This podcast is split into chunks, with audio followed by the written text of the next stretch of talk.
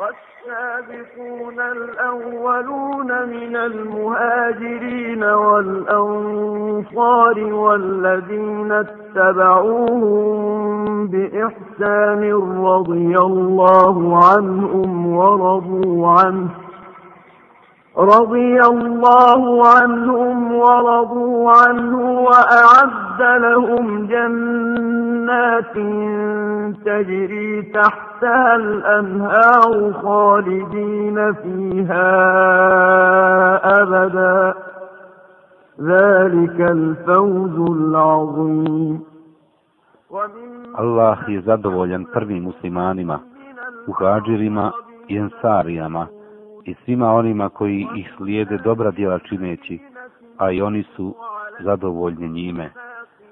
Za njih je on pripremio džennetske bašče kroz koje će rijeke teći i oni će vječno i zauvijek u njima boraviti. To je veliki uspjeh.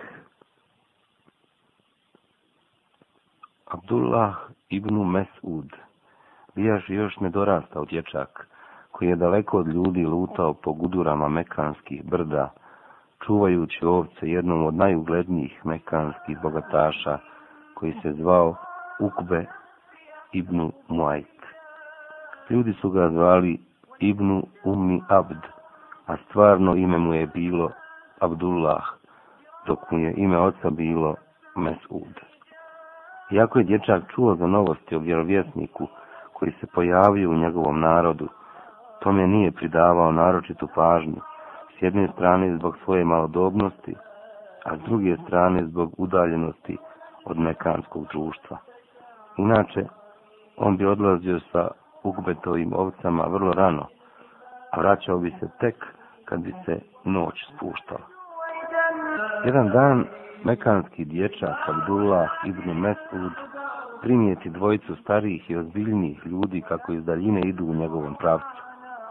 Obojica su izgledala veoma umorno, a žeđ ih je tako morila da su im bili suhi i usta i grlo.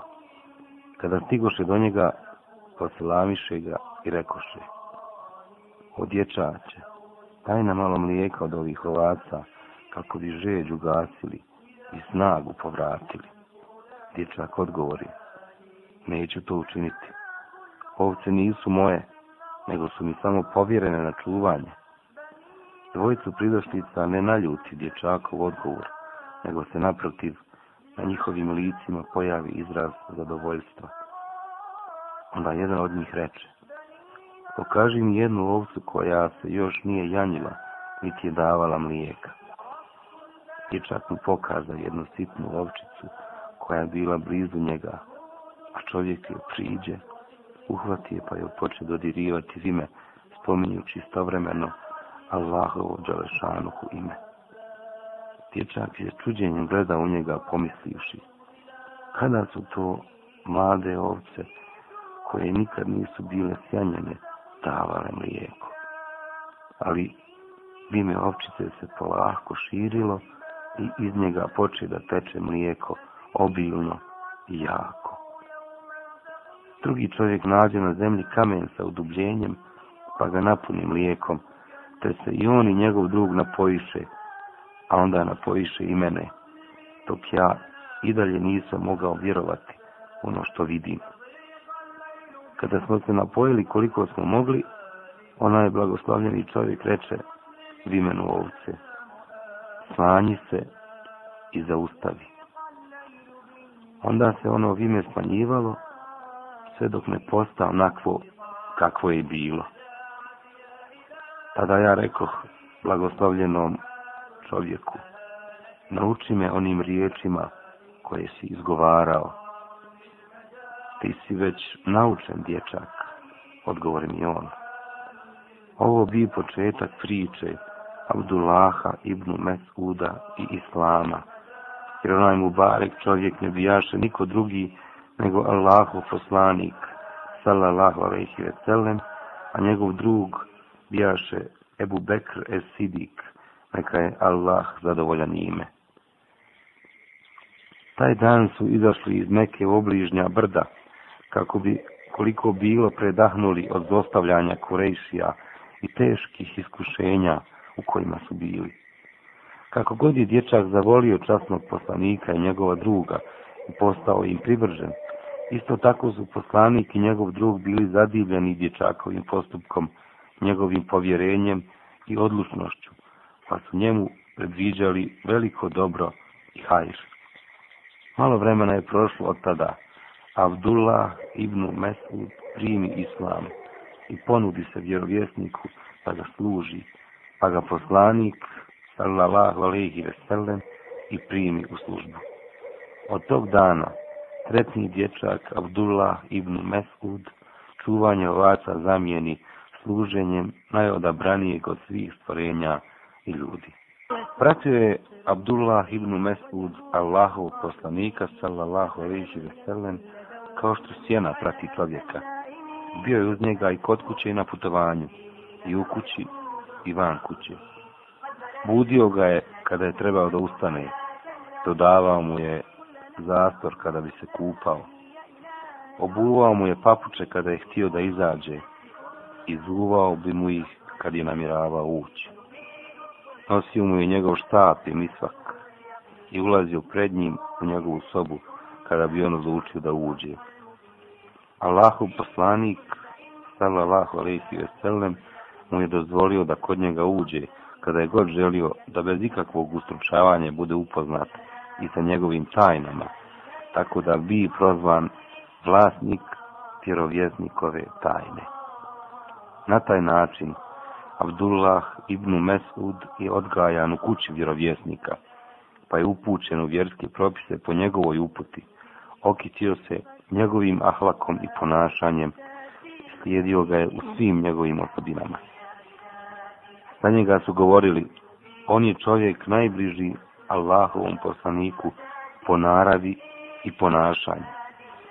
Učio je Abdullah ibn Mesud u školi Allahov poslanika sallallahu alejhi ve sellem tako da je bio jedan od najučenijih ashaba u Kur'anu od najboljih poznavalaca značenja Kur'ana i jedan od najvećih znalaca u šarijatskim propisima.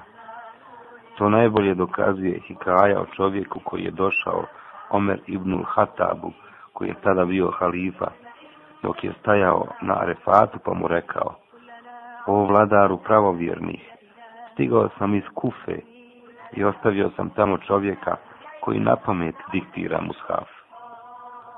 Omer se tako naljuti, zacrveni, kao da će prsnuti, pa upita, ko je on teško tebi? Abdullah ibn Mesud, odgovori čovjek. Omer, neka je Allah zadovoljan njime se polako smiri i njegova sržba se ugasi pa posta kao što je bio, a onda reče, teško tebi. Allaha mi, ne znam da je iko drugi od ljudi preči od njega da tako nešto čini i ispričat ću ti nešto u vezi s tim. Dalje Omer nastavi svoj govor. Jedne noći je vjerovjesnik, sallallahu alaihi veselem, sjedio kod Ebu Bekra, neka je Allah zadovolja njime, pa su razgovarali o budućnosti muslimana – a s njima sam bio i ja. Onda je vjerovjesnik izašao, pa i mi izađo smo s njim. U Mezgidu primijeti smo čovjeka koji je klanjao, a nismo mogli razaznati ko je on.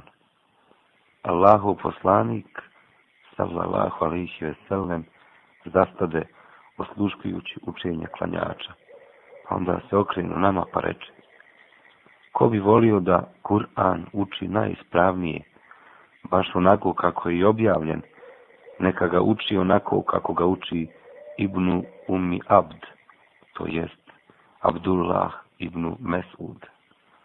Onda Abdullah sjede i poče učiti dovu, a vjerovjesnik mu reče, traži šta hoćeš, dobit ćeš, traži samo, bit će ti to dato. A onda Omer nastavi priču, pa reče. Rekao sam sebi, tako mi Allaha poraniću Abdullahu ibnu Mesudu, pa ću ga obradovati time što mu je Allahu poslanik vikao amin dok je on učio dovu. Ja stvarno uranih i odoh da ga obradujem. Kad tamo nađoh Ebu Bekra koji me je preduhitrio i već ga obradovao tako mi je Allaha, ni u jednom hajr dijelu nisam se takmičio sa Ebu Bekrom, a da me on nije prestigao. Završi Omer. Znanje Abdullaha ibn Mesuda o Allahove knjizi je dostiglo ogroman stepen, tako da je on govorio. Tako mi je Allaha, osim kojeg nema drugog Boga. Nijedan ajet iz Allahove knjige nije objavljen, a da ja ne znam gdje je objavljen i u vezi čega je objavljen. A kada bih znao da ima iko ko Allahu u knjigu poznaje bolje od mene, a da se do njega može doći, ja bih mu otišao. Abdullah ibn Mesud nije ništa uveličavao dok je ovo za sebe govorio. Jednom je Omer ibn Hatab, neka je Allah zadovoljan njime, u proputovanju susreo neku karavanu u noći mračnoj, da se ništa nije vidjelo. U toj karavani je bio i Abdullah ibn Mesud. A Omer naredi jednom čovjeku da ju upita odakle su. A iz karavane se javi Abdullah i odgovori. Iz duboke doline, koristeći jedan izraz iz Kur'ana. Omer upita. Gdje putujete? Abdullah odgovori u svetu kuću. Po tim odgovorima, Omer zaključi da u karavani ima neki alim, pa naredi čovjeku da upita, šta je u Kur'anu najveličanstvenije? Abdullah odgovori, a je tu kursi? Omer reče, pitaj šta je u Kur'anu najpravednije i najpresudnije? Abdullah odgovori, Allah vam naređuje pravednost, dobročinstvo i pomaganje rodbine. Omer ponov reče, ko učini koliko trun dobra vidjet će ga, a ko učini koliko trun zla vidjet će ga. Omer reče, pita ih šta je u Kur'anu najstrašnije. Abdullah odgovori, to neće biti ni po vašim željama, ni po željama sljedbenika knjige. Onaj ko radi zlo, Omer reče, pita ih šta to u Kur'anu daje najviše nade.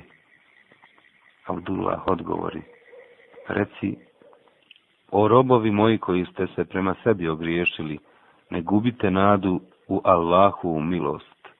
Allah će Omer reče, pita ih je li među njima Abdullah ibn Mesud.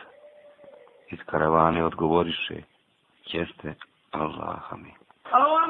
Abdullah ibn Mesud nije bio samo učač, ali pobožnjak i asketa. Bio je on, kada to najviše zatreba, jak, odlučan, muđahid i prednjači obi u borbi. Dovoljno je reći da je on prvi čovjek poslije vjerovjesnika na zemaljskoj kugli koji je naglas proučio nešto iz Kur'ana. Jednom su se u Meki sakupili ashabi, a tada ih još uvijek bilo vrlo malo, bili su u teškom položaju, pa jedni rekoše, Allaha mi, kurejši još uvijek nisu čuli Kur'an, te mi je učen naglas, pa koji bi čovjek otišao da im nešto prouči pa da čuju? ja ću im omogućiti da ga čuju, reče Abdullah ibn Mesud. Ostali mu rekoše, bojimo se za tebe, voljeli bi da to uradi neko ko ima jaku rodbinsku zaleđinu, koji bi ga štitili i čuvali, ako bi mu htjeli nanijeti zlo. Abdullah reče, pustite me, Allah će me štititi i čuvati. Sutradan prije podne, Abdullah ode u mešđid dođe do mjesta koje se zove Mekamu Ibrahim, stade i poče učiti naglas Kur'an, dok se u blizini nalazila grupa Kurejšija koji su sjedili oko Kjabe. On zauči u ime Allaha milostivog, samilosnog. Milostivi poučava Kur'anu, stvara čovjeka, uči ga govoru i nastavi učiti dalje, dok se začuđene kurejiše jedva snađoše, a povikaše. Šta ono govori Ibnu Umi Abd? Teško njemu, pa on govori nešto od onoga što govori Muhammed.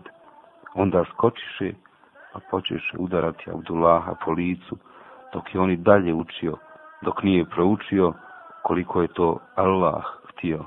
Onda se vrati svojim drugovima, dok mu je krv lila niz lice.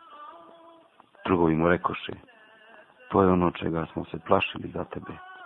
On odgovori, tako mi Allaha, Allahovi neprijatelji u mojim očima ništa drugo nisu izgledali bezopasniji nego što su to sada. Ako hoćete, i sutra ću to isto učiniti. Oni mu rekoše, neka, ovo je dosta. Postigao se da čuju ono što im je mrsko. Živio je Abdullah ibn Mesud sve do vremena vladavine halife Osmana, neka je Allah sadovoljan njime. Kada je obolio smrtnom bolešću, dođe mu halifa Osman u posjetu, pa ga upita. Šta te muči? Moji grijesi, odgovori. A šta bi želio? Allahovu milost. Hoćeš li da naredim da ti daju sve ono što si odbio da primaš zadnjih godina? Upita halifa. Ništa mi to ne treba, odgovori. Ostaće tvojim kćerima i za tebe. A bojiš li se siromaštva za moje kćeri? Upita Abdullah. Ja sam im naredio da svaku noć uče učinu suru El Vakijah. A u istinu sam čuo Allahovog poslanika, sallallahu alihi veselem, koji je rekao, ko prouči svake noći suru Vakijah, nikad ga neće zadesiti siromaštvo i potreba. A kada je noć nastupila, Abdullah ibn Mesud preseli među najodabranije društvo, dok je njegov jezik do zadnjih časa spominjao ime Allaha i učio njegove jasne ajete.